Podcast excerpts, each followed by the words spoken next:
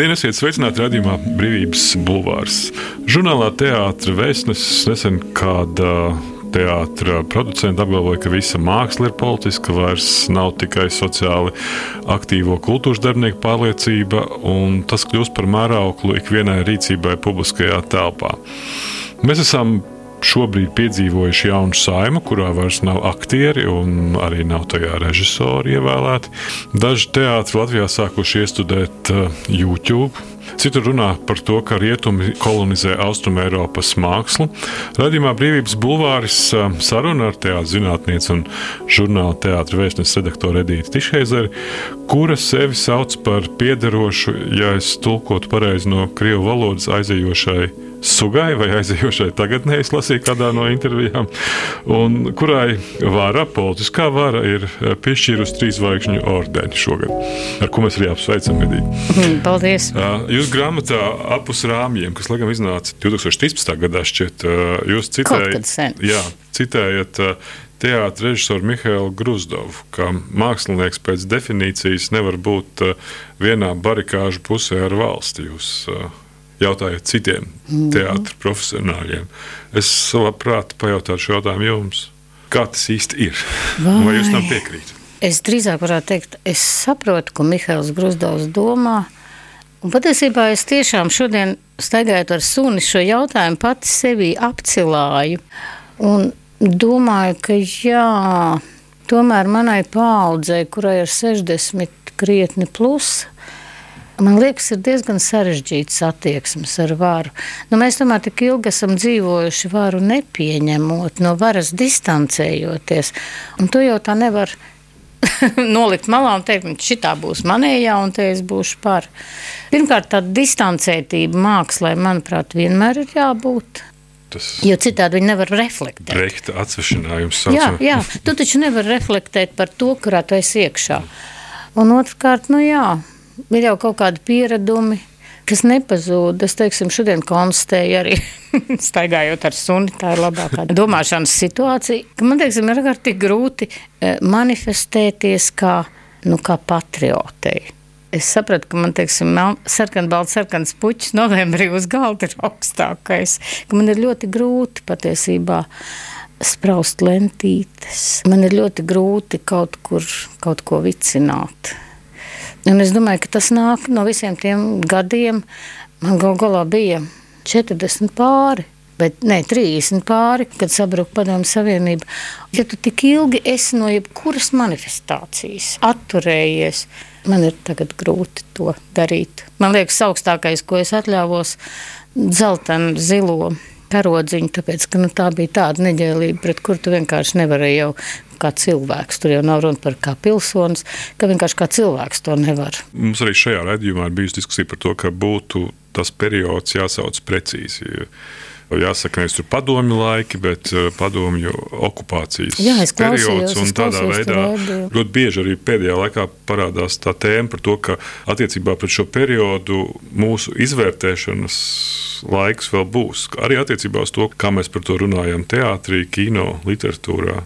No ka... vienas puses es jums pilnīgi piekrītu par to izvērtēšanu, jo nu, pat ir beigusies tāda liela starp mākslas augstskolu un Nacionālās bibliotēkas un literatūras, folkloras un mākslas institūtu, ko es pārstāvu.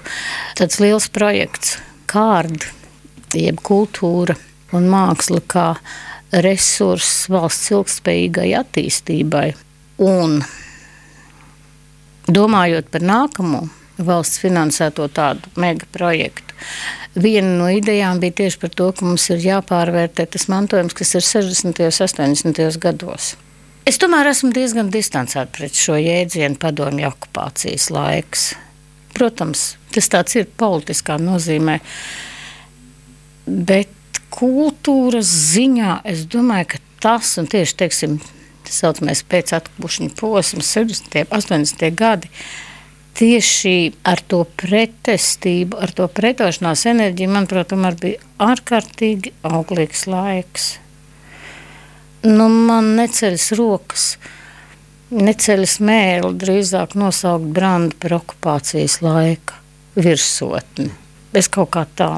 Kaut tas mazliet ir arī nu, pretrunā, ko jūs sakāt. Es domāju, tas bija kaut kādā Mamarda Švilī, Gruzīna filozofa intervijā, kurā viņš teica, ka pēc tā 90. gada visi gaidīja to lielo austrumēropas romānu, piemēram. Nu, mm -hmm. Tur kaut kur, kaut kādā atvilknē tas būs glabājies, un tad, kad krita Berlīnas mūrs, tad tagad tas tiks publicēts. Un neviens šāds romāns tā arī neatradās. Ziniet, tā ir nu pat tāda pilnīgi, pilnīgi no gaisa paķerta doma.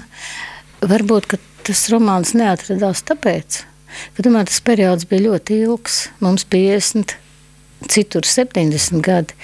Un tur radās pieredums. Ja būtu teiksim, 20 gadi, varbūt šāds romāns uzreiz pēc tam rastos. Jo tas ir kā Ukraiņas kara.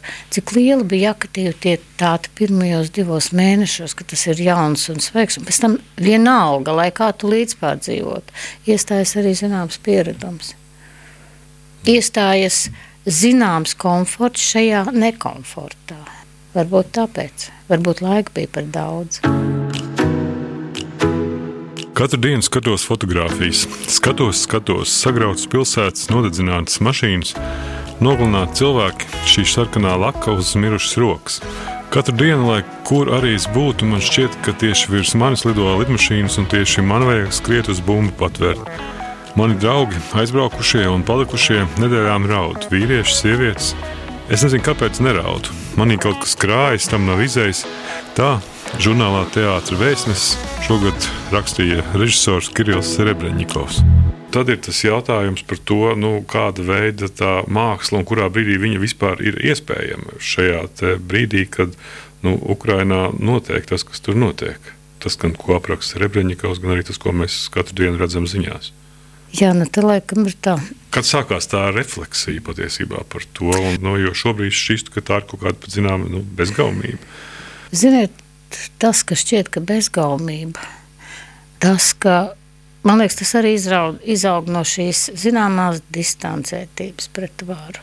Mēs, man liekas, vienkārši esam diezgan distancēti cilvēki, tādi mēs esam izauguši. Tie, kur ir no tās aizējošās tagadnes paudzes. no aizējošās tagadnes, un gal galā Kirillis Rebreņikovs, nu, protams, viņš ir daudz jaunāks, bet arī viņš ir šīs distancētības skarts.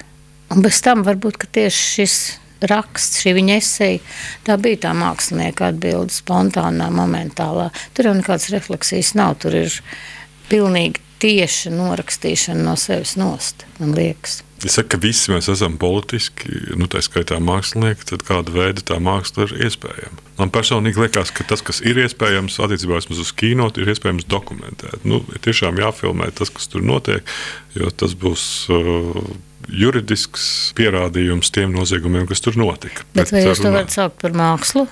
To es nezinu, jā, jo es arī skatoties Marija Paula divu filmu, man radās jautājums. Jā. Par to, kas tad ir māksla. Patiesībā. Nu, kā nu festivālā bija iekļauta filma? Patiesībā man teiksim, vistiešākais šīs sajūtas izteicējs bija Liepais teātris izrāda grīmi galīgi kur nebija ne mazākās dokumentālitātes, bet kur bija tieši šī sagrautās pasaules izjūta, kur bija pat mēnesis vai saule uzsprādzis, un kur dzīvoja kaut kādas toniskas būtnes, cilvēku vairs nebija. Un, un tas bija vienlaikus smieklīgi, kas smieklīgs nu, teiksim, no dieva viedokļa ir visas mūsu rosības. No viņa viedokļa droši vien diezgan bezmērķīgās. Un vienlaikus tas bija ļoti šausmīgi, jo pilnīgi atainoja adekvātas, nu, tomēr diezgan šausmīgajai gala sajūtai, kāda bija tajā martā, aprīlī, kad izrāda nāca ārā un kad kara pieredze, kaut gan, protams, attālināta kara pieredze, bija tomēr ļoti dzīva un asa. Es domāju, ka uzreiz var atbildēt tikai tā, tikai caur kaut kādu ļoti spēcīgu metaforu vai arī caur dokumentālitāti, bet tā nav māksla. Droši vien kaut kad vēlāk var parādīties arī dokumentāla un māksla. Bet uzreiz man liekas, varbūt vai nu dokuments vai metāfora. Nu, tas man tā šobrīd liekas. Radījums Brīvības Bulvārs. Sarunas par to, kas notiek un ko mēs par to varam domāt. Mēs arī radījumā šeit runājām ar politologu un politiķu Ivariju, kurš savulaik arī rakstīja par to, ka nodarboties refleksijām šobrīd par kara cēloņiem, ka tā ir bezjēdzīga intelektuālas enerģijas tērēšana, jo ir diezgan vienalga. Viņš rakstīja, ka vai Ukrainā cilvēks tur slepkavo Raskolņikovi, Karamāzovi vai Korčāgini. Tieši tā. Nāve ir kaut kas tik absolūts, ka pret tās masveidību un vispārību, man liekas, tādas refleksijas ir varbūt pat netikumiskas. Jo tā jau atkal ir pēiešana malā. Nevis tu kaut ko dari, lai to pārtrauktu, vai palīdzētu tiem, kas cīnās, bet tu labāk reflektē, kas tas varētu būt. Nu jā, to mēs tas nāk no Dostojevska. Saprast nozīmē attaisnot, jā. jā. Bet es, es esmu, nu, es brīžiem esmu ļoti, ļoti nekomfortablā situācijā. Jo nu, mēs ar Normānu Naumanu studējām Maskavā. Mums tur bija sava liela pasaule, kura nebeidzās ar mācību laiku. Tagad, kad es skatos, kā mani studiju biedri runā par festivāliem, runā par izrādēm, tas liekas tik šausmīgi. Tā valsts ir iesaistīta karā. Bet jā, Juris Rīnieks jau savulaik izteica brīnišķīgu domu. Ne visam, ko es domāju, es pati varu piekrist. Vai jums ir attiecības vēl ar tiem cilvēkiem, vai tas arī beidzās ar to 24. februāri, un, un vai tā pasaule pazuda vienā brīdī? patiesībā ir ar ļoti dažiem. Ar ļoti dažiem, kuri tajā līmenī, kādā tas ir iespējams, kaut vai Facebook līmenī, tomēr nepārtraukti cenšas būt pret un izrādīt savu aktīvo pretnoskaņu. Bet es kaut kā nespēju, nespēju sazināties ar tiem, kuri turpina mierīgu dzīvi. Cik ilgam laikam, jūsuprāt, ir nu, jāpaiet, lai par šo visu varētu nu, rasties mākslas darbi? Vispirms tam ir jābeidzās, es domāju. Un tad jau redzēsim. Te jau redzēsim, varbūt vajadzēs darīt visu, ko taisīt labdarības tirdziņus un labdarības izrādes, vienkārši lai palīdzētu no zemes noslaucītu valsti uzcelt no jauna. Es negribētu prognozēt, kamēr tas viss turpinās. Māksla ir ļoti svarīga, bet viņa ir tomēr otršķirīga attiecībā pret dzīvi. Vai jūs, prāt, vajadzētu distancēties no tādas lietas, kā iestudēt, piemēram, Dostojevski šobrīd? Nē, to gan nē. Ļoti daudz kas no jebkuras nācijas kultūras ir vienkārši pasaules mantojums. Nu, mēs taču nedomājam nepārtraukti par Eiripīdu kā par grieķu.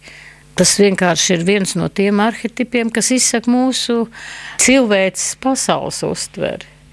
Nu, pat Elmārs Senkols Valmierā ir iestudējis vēlnus ar nosaukumu Nelabie, un tā ir, tā ir ļoti būtiska izrāde. Un tā vienlaikus ir varbūt par to, kas ir noticis, kas varēja notikt Krievijā, bet vēl lielākā mērā tā ir par to, kas varētu notikt Latvijā, ka rasties jauna paudze, jauna ģenerācija, kurai vienkārši ir viena alga. Tā kā, nē, es domāju, ka neiestudēt Dostojevski, atteikties no Čehova, tas nozīmē vienkārši atteikties no pasaules mantojuma daļas. Kaut gan ir pārmetumi, nu, ka Dostojevskim ir šī imperiālā domāšana, kura veido šo pašreizējo Krievijas ideoloģiju, ir sakņota tieši tajā 19. gadsimta lielajā Brodskim arī. Jā, un Brodskim arī. Jā kam nav. Kā ar to tikt galā? Tas ir jautājums.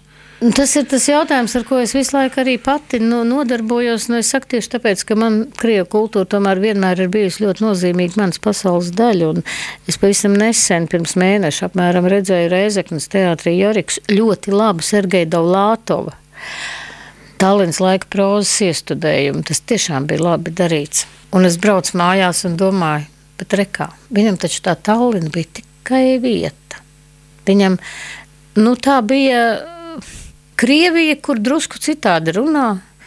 Ir kaut kāda citāda mitoloģija, bet īstenībā tikai vieta. Viņš ir dzīvo joprojām Leņņģeradā. Jā. Modelis, jā. Principā tas pats uzvedības modelis. Un es teiktu, tomēr Latviešu teātra kods ir runāts ar metaforām. Tas nāk no literatūras, no folkloras. Jā, drīzāk no folkloras. Nav gaumīgi teikt patiešo. Ka teikt visu patiešo, bet uh, visu var pateikt caur metaforu. Piemēram, Man te nesen bija tāds pētnieciskais piedzīvojums, kad man Rūtleģa izdevniecības sastādīta krājuma par Austrumu Eiropas režiju, lūdzu uzrakstīt par Hermanu, bet postkoloniālā diskursa gaismā. Un tas būtu? nu, tas bija ārkārtīgi interesanti. Paņemt to prožektoru, nobīdi staru, un pēkšņi es ieraudzīju, ka garajā dzīvē tieši šajā postkoloniālismu diskursā, teorija diskursā, kur ir vadošā un apspiestā nācija un tam līdzīgi, un citādi un svešie. Un es pēkšņi ieraudzīju, ka garā dzīve ir ļoti izteikts tieši šā diskursa darbs, jo iedomājieties, šie cilvēki, viens ir leģionārs, acīm redzams, un tie ir krievi, turklāt no acīm redzamām militārām aprindām, kas šeit ir palikuši vai nu līdz ar padomju armijas ienākšanu, vai varbūt drusku pēc kara. Viņi taču patiesībā spēja sadzīvot komunālajā dzīvoklī tikai tāpēc, ka viņi nesarunājas. Jo līdz ko viņi sāktu sarunāties, vienkārši notiktu katastrofa. Tas padarīja teātri bez tekstu iespējamu. Nu, Harmonija, man liekas, savulaik prasīja, kas ir viņa teātris stratēģija, jo viņš atbildēja, ka stratēģija ir mainīt universu. Nu, jā, bet arī tā ir stratēģija. Viņiem izdodas, jūs prāt, tagad mainīt universu? Redziet, es esmu strādājusi divos teātros. Valmīrs un Liepājs. Liepājs un Valmīrs, jā. Abos es esmu strādājusi arī brīdī, kad vilnis iet uz leju. Es vienkārši zinu, ka vilnis iet uz leju un viss pasaulē ir viļņi. Kvantu teorija. Tas ir es domāju, ka vienkārši pie tā ir nu, kā lai saka, pierast pie tā nevar. Samierināties ar to nevar, bet tas ir jāsaprot, ka nekas nevar būt visu laiku kāpjošs uz augšu, un nekas nevar būt vienkārši visu laiku virsotnē, jo tas ir plato. Nu, jā. un jauns atspēriens var būt tad, kad tu esi nonācis zemākajā punktā. Tas zemais punkts var būt arī ļoti augsts. Līdz ar Silvijas Radzobas aiziešanu sapratu, ka mēs esam tas, par ko Smeļanskis izcēlējis Krievu teātris zinātnieks Anatolijas Smeļanskis teica – Uhaģašajā natūra. Arnolds Osis to pašu ļoti precīzi pateica kādā citā sakarā, aizejošā tagadnē. Man šobrīd ir sajūta, ka mana paudze ir pēdējā, kas var novērtēt to baigo lūzumu. Jo mēs jau kā pieauguši cilvēki atceramies to, kā bija. Bet bijām vēl pietiekami jauni un elastīgi, lai varētu jaunajā sistēmā ieiet, nevis distancēties vai noliekt.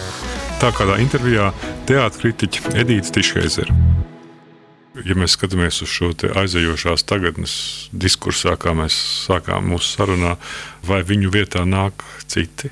Nāk. Nāk. Nu, Pēdējām gan ir skolnieki. Jā, Nav runa par skolniekiem tikai. Jā, protams, tie ir skolnieki.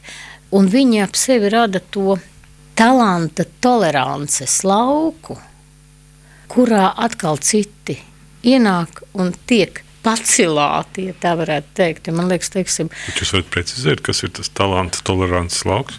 Kas, tas man nu pat ienāca prātā. Nu, kā, kā es varu paskaidrot? Talants principā ir, man liekas, ļoti liels talants. Būtībā ir tolerants. Viņš iet savu ceļu un pieņem, ka citam var būt viņa ceļš. Viduvējība, tāds mazs talants, talants. Tur ir tāda vairāk uh, agresīva nostāja, ka šis ir mans ceļš un tas ir īstais ceļš.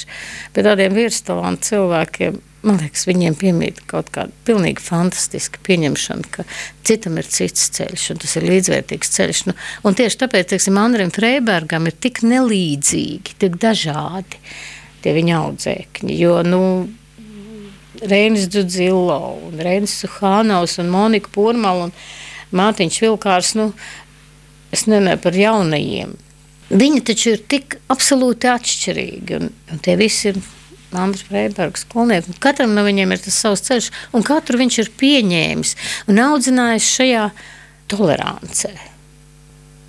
Mācot teātrus vēstniecību, kādreiz Pēters Krielovs sarunājās ar Andru Freibergu, ko tad, ko tad ir vērts mācīt ko viens talants var iemācīt otram. Un Anna Freibergs teica, ka pirmkārt domāšana, pirmkārt domāt, ja vispārējo, nu, vispārējo nosaukumus, eh, tehniskos paņēmienus, to jau varēs apgūt. Bet domāt telpā, domāt uh, Domāt lielās kategorijās, to var iemācīt. Man liekas, to arī viņi māca. Tas ir tas, ko es teicu, ko es laikam domāju. Man tā šķiet, kad es teicu par talantu toleranci.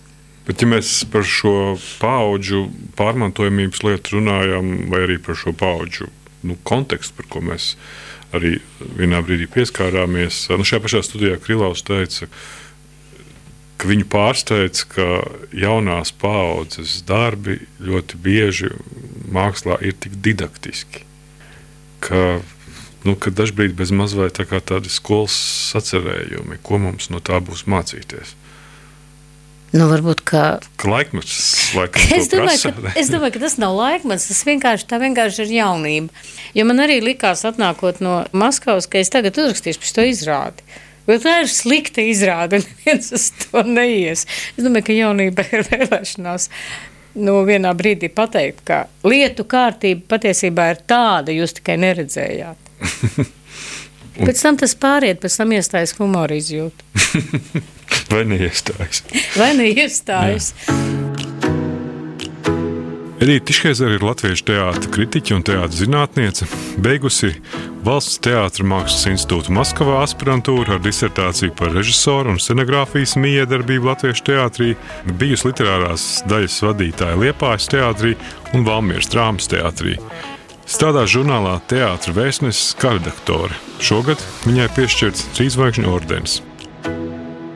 Man šķiet, tas bija intervijā, laikrakstā diena savulaik, kad jūs stāstījāt par to laiku, kad jūs strādājat Liepājā un strādājat arī avīzē. Jā.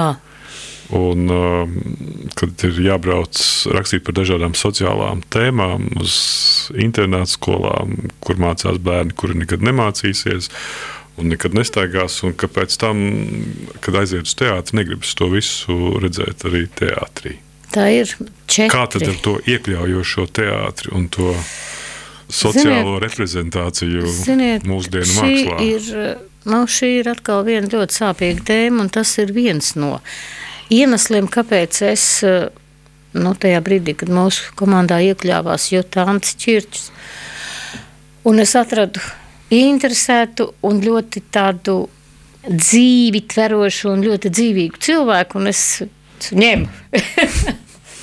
un gāju prom. E, tieši tāpēc, ka teātris mainās, un ne viss, kas tajā notiek, man ir interesants. Es saprotu, ka tam ir sociāla nozīme iekļaujošam teātrim, un, bet tas, kas man savulaik aizrauga, kādēļ es sāku studēt, kādēļ es sāku es rakstīt di diplomdarbus un disertācijas un visu kaut ko, ir interese par profesionālo mākslu, interese par, nu jā, par šiem virstalanta cilvēkiem. Un daudz kas laikmatīgajā teātrī, kas sociāli ir ļoti nozīmīgs, ir saistīts tieši ar to, lai māksla būtu nevien kā adresantiem, pieejama visiem, bet arī māksla kā process, kā māksla kā pašizpausme būtu pieejama visiem. To jau nozīmē tas iekļaujošais teātris. Nevis tikai tas, ka varēs cilvēki ar kustību traucējumiem, ar ratiņiem iebraukt teātrī un skatīties, bet tas, ka viņi varēs paši to darīt. Un tā ir brīnišķīga sociāla, nu, es nezinu, vēl politiska un dažāda lieta. Bet es nevaru teikt, ka tas man ir interesanti no profesionālā viedokļa. Jo? Man interesē profesionālā māksla. Tā nav profesionāla māksla. Nu, tā ir robeža māksla. Tā ir, tā ir robeža paplašinoša māksla. Bet šeit sakarā es atceros, ka jūs bijāt stāstījusi arī kādā no šīm sarunām par, par savām studiju laiku Maskavā, kur jūs bijāt uz savas kladītes pierakstījusi Eh, izteicienu saprast, bet nepieņemt. Nē, Nē. Poņaķis. A потом, a потом. принять. Uh, un varbūt šis, redziet, uz šo arī var skatīties. Redziet, tas ir pats mana, mana kursa vadītāja. Viņš bija tāds izteiktais šis gadu lī, viens no līderiem. Viņš bija 60. gados žurnāla teātra redaktors, un tas, nu, tas bija ļoti nozīmīgs postenis. Viņa, tas bija viņa teiciens. Jo sākumā jau liekas, ka kritika tas nozīmē pateikt, ka viss ir nepareizi. Un es zinu, ka tas viss ir nepareizi. Un no tā izaug tas paņēķi, apatomņi priņēķi. Mm. Tad, kad tu esi veicis to pirmo pakāpi, mēģināt saprast, ko tas režisors ir gribējis teikt. Jo, protams, nu, 20. gadsimtā tagad vairs mazāk, bet 20. gadsimtā, protams, režijas teātris ir dominējošais. Tad, kad tu esi sapratis, ka tu esi veicis to otro pakāpi, tad tev ņepriņaķi arī nemaz vairs negribas.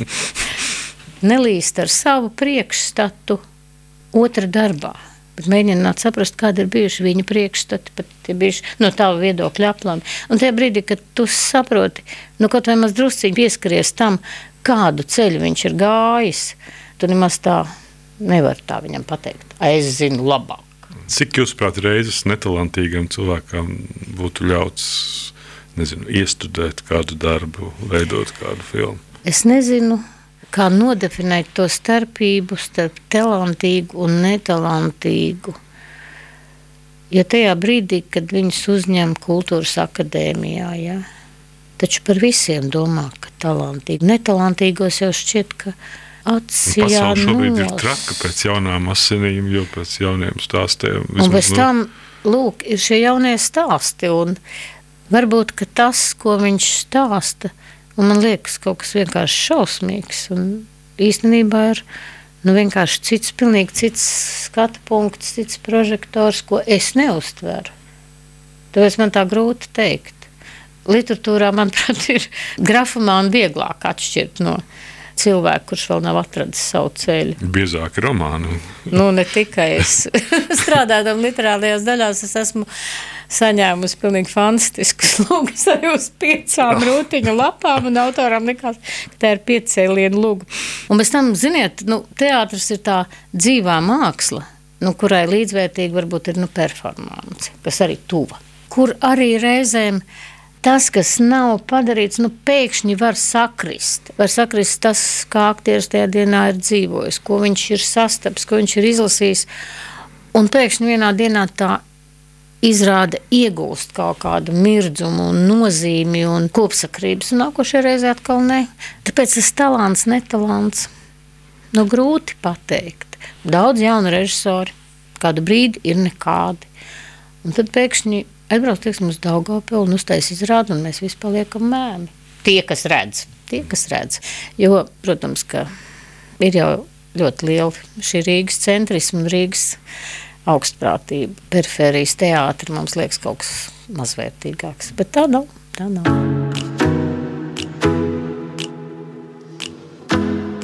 Radījumā Brīvības Bulvārs saruna ar teātris zinātnieci Edīti Tiškeizeri.